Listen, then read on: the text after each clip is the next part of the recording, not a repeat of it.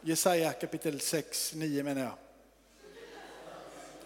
Om jag har sagt någonting annat så menar jag, vad, vad är det jag har sagt? Men jag, sa, jag sa 9 och 6 och sen så vers 7 med. Jag bara liksom, vet, vi får bara läsa det här, det är så bara, är, halleluja.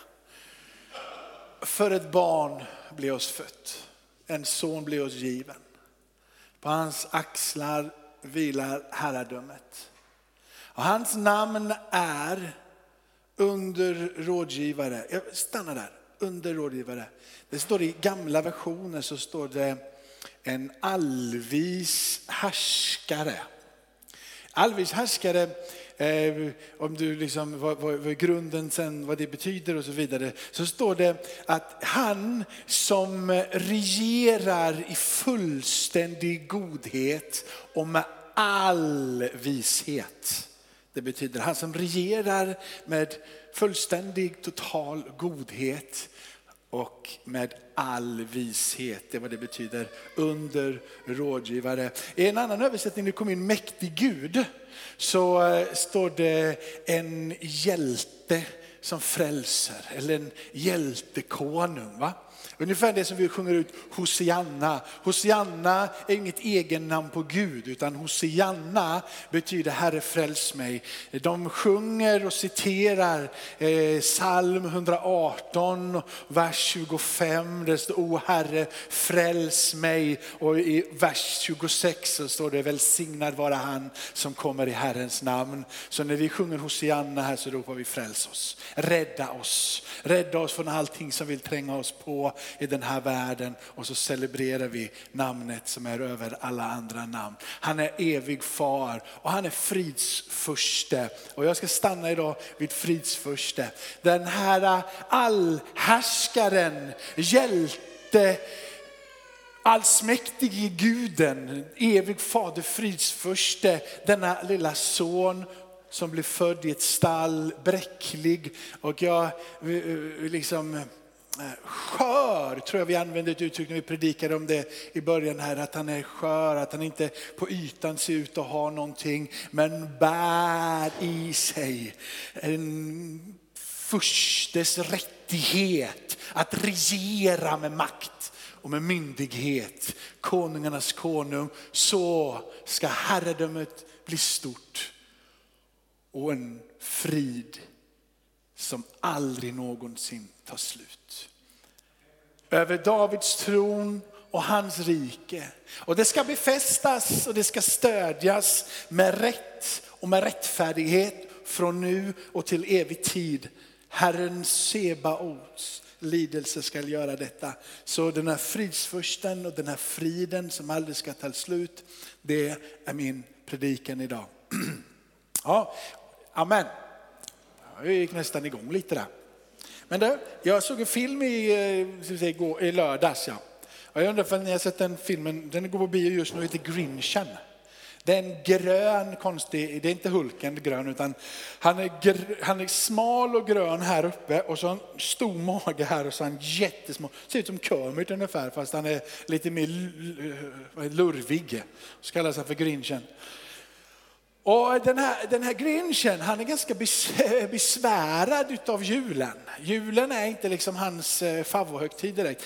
Alla bor i, jag kommer inte ens ihåg vad den här byn heter där alla bor i, men det är långt uppe i ingenstans. Men han väljer att inte bo i den här byn, utan han bor utanför byn uppe på ett litet berg inne i en grotta alldeles för sig själv med en liten hund. Ja, han, han tycker egentligen inte mycket, så mycket om människor utan han känner sig ganska besviken på livet.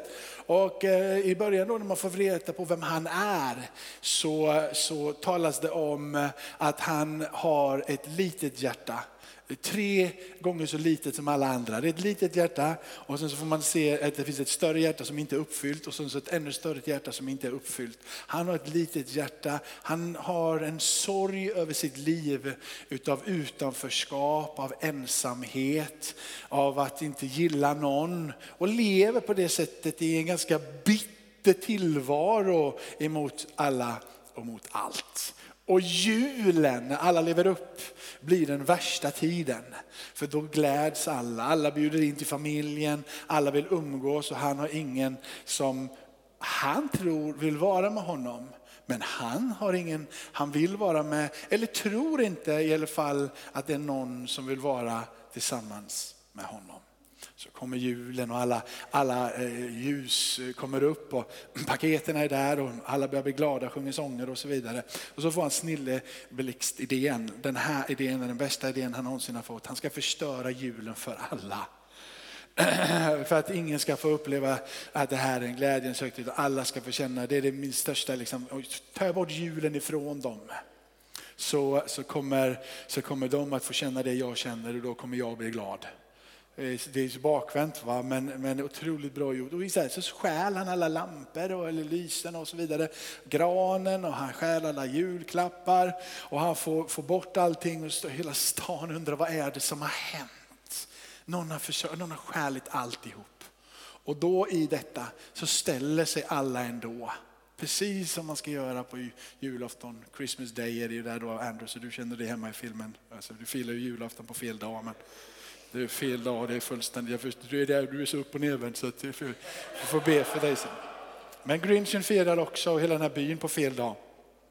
Men de, alla ljus är borta, alla julgranar är borta, alla paket är borta, allting är borta. Och det skulle då vara nytt förstört. Men då så samlas de i, i, en, i, liksom ring på ring runt varandra, håller händen och så sjunger de ändå om julen. Och sjunger vi har varandra. Och, ändå liksom, och då kollar Grinchen på detta genom, från sitt berg långt borta ifrån sin grotta, genom den här kikaren och så ser han hur de sjunger och hur de är glada ändå. Och så, hur är det möjligt? Att de är glada ändå. Och han får någonstans skam i kroppen. Han tar alla paket, alla granar så som det bara kan vara i, i tecknade filmer. Liksom en, en, en släde så och sen så är det ett sånt där gigantiskt berg av allting och så går han in i staden och ger tillbaka det här och ber om ursäkt och så vidare. Och så, så kommer en liten, liten flicka upp till berget på han när, när det här är tillbaka lämnat och kommer upp, knackar på hans dörr, öppnar dörren och säger vi skulle gärna vilja att du firade julmiddag med oss skulle du kunna komma ikväll? Och så får han komma ner eh, till eh, familjen och få vara där och fira jul med dem, får även skära upp köttet. Och, eh, han säger, får jag säga någonting? Och så säger han, jag har fått en gemenskap. Och det är det här får man blicka tillbaka och se vad var det som ledde till detta. Då var han född på ett barnhem och på barnhemmet och julafton så fanns det inga julklappar, det fanns ingen liksom, juldekoration och alltihop utan bara en ensamhet och ingen som brydde om honom. Men i det här så fick han komma och bli omsluten i värme och kärlek. Och han fick se och ta emot värme och så får man se hur det där lilla hjärtat växer ut. Växer ut till att fylla hela det här. Och det så säger den där rösten som talar ut. Och nu har Grinchen fått ett tredubbelt så stort hjärta. Eh, och det är det julen handlar om. Eh, inte stämningen som är runt omkring. Utan att Jesus får bjuda in dig och mig till en måltid. Att Jesus får bjuda in dig och mig till gemenskap. Att Jesus välkomnar oss alla att få möta fridsfursten som vill ge dig och mig frid. En frid som övergår allt förstånd. Filipperbrevet 4, vers 6, vers 7. Du vet att julen, Kalle, julen, hur mycket du än försöker att skapa en stämning på jul eller vid något annat tillfälle eller det är omständigheter som kommer som talar precis emot allting som har med frid att göra. Så är det så här att om du försöker skapa frid, det är så mycket som händer i dina omständigheter så du är helt nedtryckt och inte kan finna någon frid.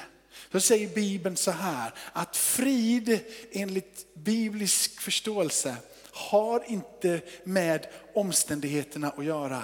Frid som går över allt förstånd som vi ska läsa här. Den friden är ingen sinnesstämning. Det är inte en upplevelse, känsla i det sättet om att omständigheterna är rätt, då kan jag ha frid och sinnesstämning. Vi kan uppleva det mysigt och härligt med ljus på julen och så vidare. Jag tycker vi ska göra det jättemycket. Men det är inte det som fridsfursten kommer med. Det är inte den friden som han säger kan bli din och som aldrig tar slut. Den friden han pratar om är en frid som är bortanför allting av sinnesstämning eh, eh, heter. Det är en frid som är djupare och högre, vidare eller bredare och längre än någonting du någonsin kunde kunna förstå eller uppfatta. Lika mycket som om hans förstå, eller han, vad han vill ge dig och mig förståelse om hans kärlek är högre, djupare, bredare och längre. Så är hans frid högre, djupare, bredare och längre. Någonting som kommer till dig och mig, inkapslat i någonting som Bibeln pratar är barnaskap. Där du och jag ropar Abba, Fader, där finns hans frid.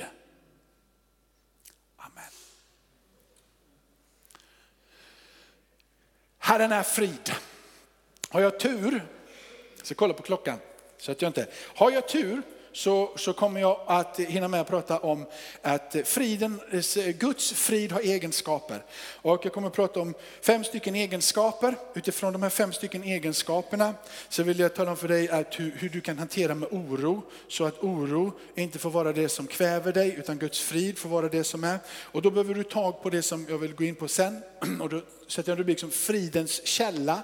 Och på Fridens källa kommer jag ha fyra rubriker, alltifrån frid med Gud, Gud är, Gud, Gud är frid, Guds frid och sen fridens Herre. Och sen vill jag avsluta med att tala om kraften i Jesu namn som ger dig den här friden. Han som är Herre över friden, fridsfursten. Får se om jag hinner hela vägen och så tar vi det någon gång senare. Bekymra er inte för något. Och så, där har du omständigheterna som är på utsidan, eller hur? Omständigheterna som vill, som vill komma och de här omständigheterna säger han, bekymra dig inte för omständigheterna. Låt, låt inte omständigheterna få äta upp ditt liv. Utan låt Gud få veta alla era önskningar. Och jag vill vända på det här, I min, i min översättning så står det genom åkallan, bön och tacksägelse. Åkallan, om du slår upp det, så handlar det om åkallan, det handlar om att ropa till någon som är bortanför dig själv. Det handlar om att ropa på, på, på, hjälp här borta, du ropar till någon och i det här sammanhanget så är det då ropa till en Gud. Du ropar till ett objekt som är bortanför dig själv.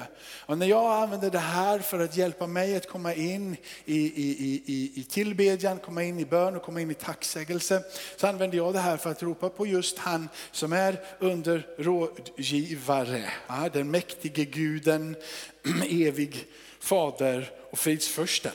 Så jag vänder mig till den levande guden i åkallan. Jag kommer med min bön som sen då när jag har bett bönen säger tack Jesus för att jag får lämna det här till dig. Tack Jesus för att du svarar på det här. Och så står det, när jag gör det här, när jag inte låter mig bekymras av omständigheterna, utan jag tar det som är på mitt hjärta, jag kommer det till som är objektet för min tro, den enda sanna levande guden, den evige allshärskaren och kommer till honom och gör det här. Då säger han, då ska Guds frid som övergår allt förstånd. Inte ta bort bekymren först och främst. Inte låta de här omständigheterna fullständigt liksom bara gå iväg. Men han säger så här, då ska Guds frid som övergår allt förstånd. Bevara era hjärtan så att omständigheterna inte äter upp dig. Det som vill tränga på och förstöra och göra att du missar blicken på det som är sant och riktigt. Ditt hjärta blir bevarat, dina känslor blir bevarade. Du får ett hjärta där blodsförbundet, det förbund som är mellan Gud och människa genom Kristus Jesus täcker dig, skyddar dig, bevarar dig. Och när det beskyddar dig och bevarar ditt hjärta så säger han också att bevara och låta era tankar vara i Kristus Jesus. När våra tankar, det vi tänker, inte är fullt upp av det som är bekymren, utan vi låter våra tankar vara fäst på korset. Hoppet i Kristus, han som är vägen ur alla problem, han som är lösningen för all ondska, för allt mörker, han som är lösningen för all synd, han som är Hosianna. Inte som egen namn, men fräls mig. Är ni med? Det är vackert. Det är en texter att meditera på. Ord att komma ihåg. Du som var här i, på, i torsdags på bönemötet fick, lite, fick lite, lite, lite mer av, av det där. Men låt mig skynda vidare så att jag inte fastnar. Så här, friden som Gud ger, fridförsten som kommer med den här friden. Han som är herre av friden, han som äger friden, han som är friden.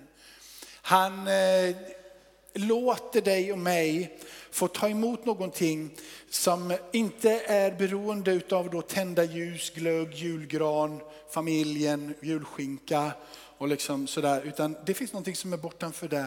Där inte faran, rädslan, att tappa kontrollen, eller dåliga relationer får stjäla det som djupast sett gör att du blir bevarad i ditt hjärta och i Kristus. Dina tankar i Kristus.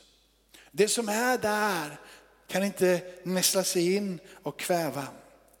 Och jag har skrivit så här att jag tror att den största boven, den absolut största boven och största tjuven, det är oro.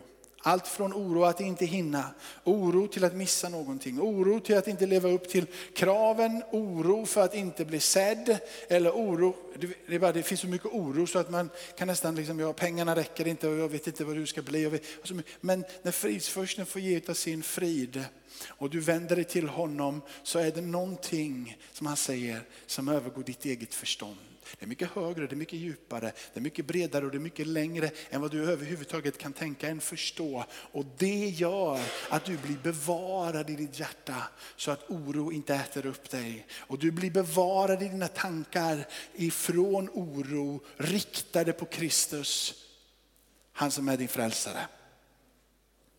Amen. Och här börjar lösningen. Hur hittar jag dit då? Hur hittar jag dit? Och det är i barnaskapet. Vetskapen om att du tillhör Gud. Tryggheten i att få ropa Abba fader. Och jag eh, som hade tagit upp det här heller för dig, för jag visste, att, jag visste inte var jag skulle börja för någonstans. Men du fick inte den här, den här texten. Men jag, vi, vi struntar i den, jag bara talar ut det här. För det är så här att Romarbrevet 8 är det jag är i. Det, det är så här att Romarbrevet, Romarbrevet 5 till exempel, det ska vi ta sen, där pratar det om att, att få frid med Gud. Och frid med Gud innebär att det är ingenting som kan ta bort dig ifrån Gud. Och eh, så, så löper eh, Romarbrevet in i, i kapitel 8 och då börjar det finns ingen fördömelse. Och en sak som du och jag vill ha i den här oron, att inte hinna med oron, att vi har dåliga relationer och hur ska det bli med det här? Och vad har jag gjort, vad har jag inte gjort, vad borde jag göra och vad, vad skulle jag? Det är hela den här problematiken med, men ytterst sett så handlar det ju om hur har jag det egentligen med Gud? Jag vill ju leva för honom. Gör jag det så som jag borde göra? Eh, eller har jag blivit som Benjamin sa, vi som vill ännu mer. Vi som liksom har tappat bara glöden, hur kommer jag tillbaka dit? Liksom? Och eh, börjar man tappa glöden så behöver man också kanske inte egentligen först och främst oroa sig på sin relation med Gud, för då hoppas man att jag är frälst, jag tillhör Jesus, men aj, jag orkar inte. Och så kommer man lite, lite bara så här, man skuffar det lite åt sidan, man låter inte det vara det där centrala, viktiga i ens liv. Och man gömmer det lite grann och sådär. Men Bibeln säger att allting som händer runt omkring dig kommer leda dig fram till en ännu djupare förståelse om vem han är. För att han har ett syfte, han har en idé, han har en tanke. Och därför behöver vi varandra för att ständigt som Benjamin gör påminna oss att komma tillbaka till det som är själva kärnan. Vem kan anklaga när det är Gud som frikänner? Där börjar en trygghet. Känner du här att du blir anklagad av den onde eller av andra människor så vill jag bara påminna dig att det är Gud som frikänner. Vem kan då anklaga? Vem kan fördöma dig när du har blivit fullt ut accepterad? Romarbrevet går så djupt att det säger, vem kan skilja dig och mig ifrån Jesu Kristi kärlek? Inget. Där i ligger din trygghet. Och då säger Bibeln så här, att för att du ska veta det så har han gett dig ett sigill. Han har gett dig en försmak. Han har planterat i dig sin ande så att du ska veta att du tillhör Gud. Så om du någon gång tvekar på hans kärlek eller du tvekar på någonting av det som jag har sagt eller som kyrkan har undervisat och du börjar tveka så är det bara att säga låt det där sigillet, låt den där anden, låt det som Gud har fått lagt i ditt hjärta få vara det som ropar högst. Inte omständigheterna utan det som är lagt av Gud i ditt hjärta. Där i ligger barnaskapet, tryggheten, friden och oron får inget utrymme. Den här friden som övergår allt förstånd är en egenskap i Guds frid. Vi har läst det här innan i kapitel 7. Den här friden, eh, det blir när Gud får vara Gud. Det är när du söker friden utanför Gud som du inte längre kan åberopa Abba fader, barnaskapets rättighet till frid. Där när du, där du försöker liksom lura dig själv på att hitta frid utanför. Som du inte längre kan åberopa rättigheten att finna friden fullständigt i ditt barnaskaps, eller tryggheten i vetskapen om att du är Guds barn. Är du med? Det är ju när du har den fullständiga förankringen i honom och du sitter fast i honom. Då söker du inte utanför för friden. Utan friden söker du i det som Gud har lagt i dig. Till han som är objektet för din tro. kan vi viska ett amen då? Amen. Frid finns i överlåtelse. Frid finns i det att du överlåter dig till Gud. Att du inte är överlåten till allting som är runt omkring. Den överlåtelse leder dig in i en frihet med Gud som övergår allt förstånd. En frihet att säga, inte som jag vill Gud, utan som du vill. Han brottas själv med det här Jesus i ett seman och säger inte som jag vill utan som du vill. Han överlämnar igen sin egen vilja i Guds eviga vilja. Och ni ska pröva det här när du får oro. Och det är bara att säga, jag fattar ingenting. Och jag är besvärad lite grann på min insida. Och jag vet inte hur lösningen ska bli. Men jag bara säger, inte min vilja, utan din vilja. Fader vår som är i himmelen. Inte min, utan din. Hans rike, inte mitt rike.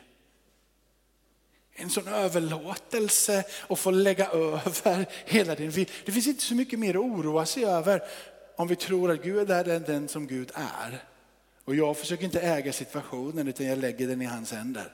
Då kommer en frid som övergår allt förstånd, som är högre, djupare, längre och bredare än vad du överhuvudtaget kan förstå.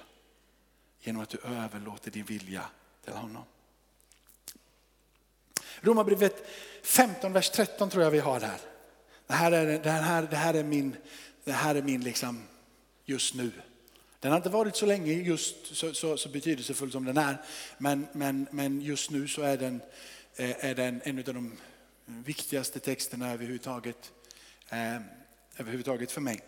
Eh, och jag ska säga så här att en otrolig kraftfullhet i vetskapen om barnaskapet, det är hoppet i Kristus. Hoppet att veta vem Kristus är och hoppet att det finns en väg ut ur lidande eller vad det nu än är som tränger på. Må nu hoppets Gud fylla er med all glädje och frid i tron så att ni överflödar i hoppet, i hoppet genom den heliga andes kraft. Jesus Kristus är vårt hopp. Om oro är där kan du vara säker på att du inte har gått igenom de första punkterna. Och är det fortfarande där så bara säger jag, låter du Jesus få vara mitt hopp. Jag håller fast vid dig och du är min räddning. Det är en utav fridens egenskaper. Jag har skrivit en kärleksfull gemenskap som nummer fem på de här egenskaperna som strömmar utifrån Eh, fridens natur eller vad du vill kalla det, Guds frid.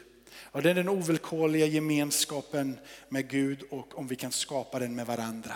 Det, fin, det, finns, det, finns, nej, det finns en gemenskap tillsammans med Gud som är helt ovillkorlig. Det har ingenting med vad du kan prestera utan bara med vad Gud har gjort och vad Gud gör. Om vi också skulle kunna bli verkliga lärjungar till Jesus och försöka skapa det runt omkring varandra, att inte lägga ok och tynga ner varandra, så kommer det bli en miljö runt omkring oss som kommer att frodas av frid.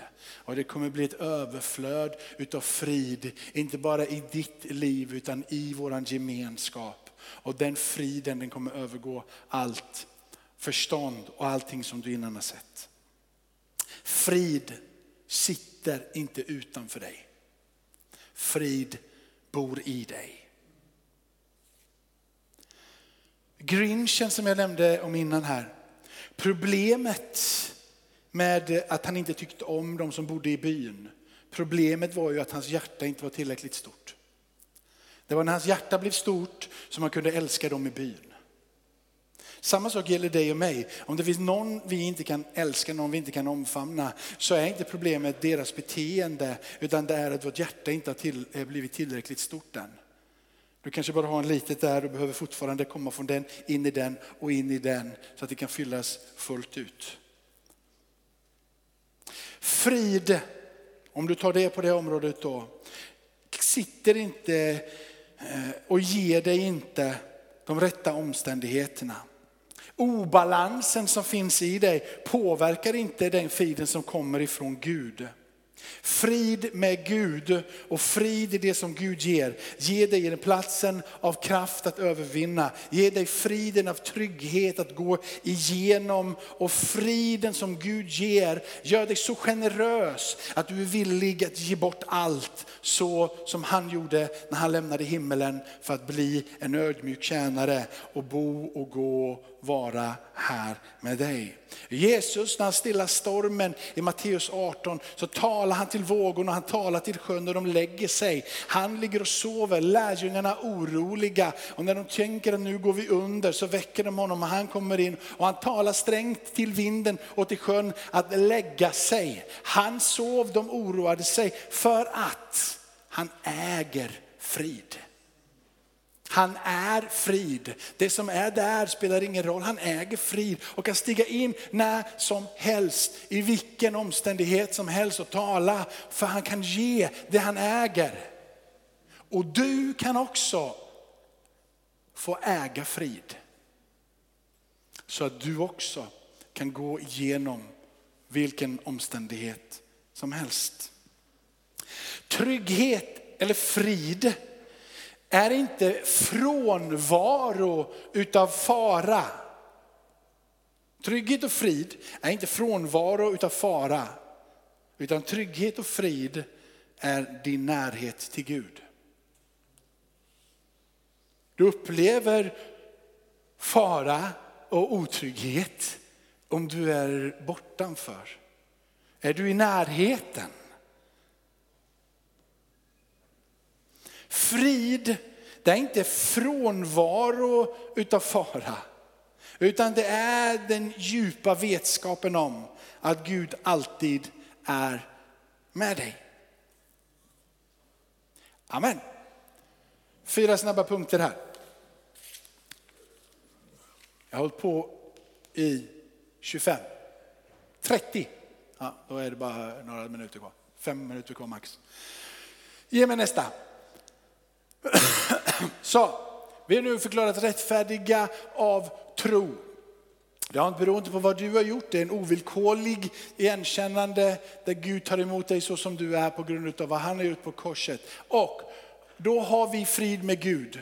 Så du har frid med Gud om du tror på Jesus Kristus. Brottas inte längre med om Gud älskar dig, Gud tycker om dig eller vem Gud är. Utan om du har tagit emot Jesus som din frälsare så har du frid med Gud. Du tillhör Gud, du kommer alltid tillhöra Gud. Du är hans, han är en god Gud som tar hand om dig. Precis som jag när Elton gör sina fel hemma så är han fortfarande min son, jag omfamnar honom trots hur jobbig han än är. Va? eller hur? Du har frid med Gud på grund av vad Jesus gjort, inte vad du har gjort. Så vi har frid med Gud. Kom ihåg det för att hitta tillbaka till det sigill som han har lagt i dig, anden och vetskapen om att du är ett Guds barn. Nästa. Fridens Gud var det med er alla. Det finns en hälsning ifrån Gud själv genom författaren till romabrevet Paulus. Där han säger att fridens Gud, han som är frid, han som är fridsförsten, han är med er. Fridens Gud var det med er alla. Alla, inklusive, inkluderar alla som har tagit emot Jesus som Herre. Alla, du kan inte komma och säga de där borta, de där, men inte jag. Du är alla. Du är alla, alla, alla, alla, alla. Så tänk inte att du är en av de som inte har, för du är alla. Alla som har tagit emot Jesus har frid med Gud och alla kan ta emot den friden. Inte bara Thomas, eller liksom, alla. Så du måste känna att du är alla. Inte alla, utan alla. Ja, inte alla, utan alla. Nästa. Då så Guds frid har vi pratat, pratat om här. Då sa Guds frid som övergår allt förstånd, bevara era tankar. Då sa Guds frid som övergår det, friden kan bo hos dig helt enkelt. Friden kan vara i dig. Han har du frid med. Han ger det till alla och du kan ha det i dig. Han är friden som ges till alla som är i dig. Nästa.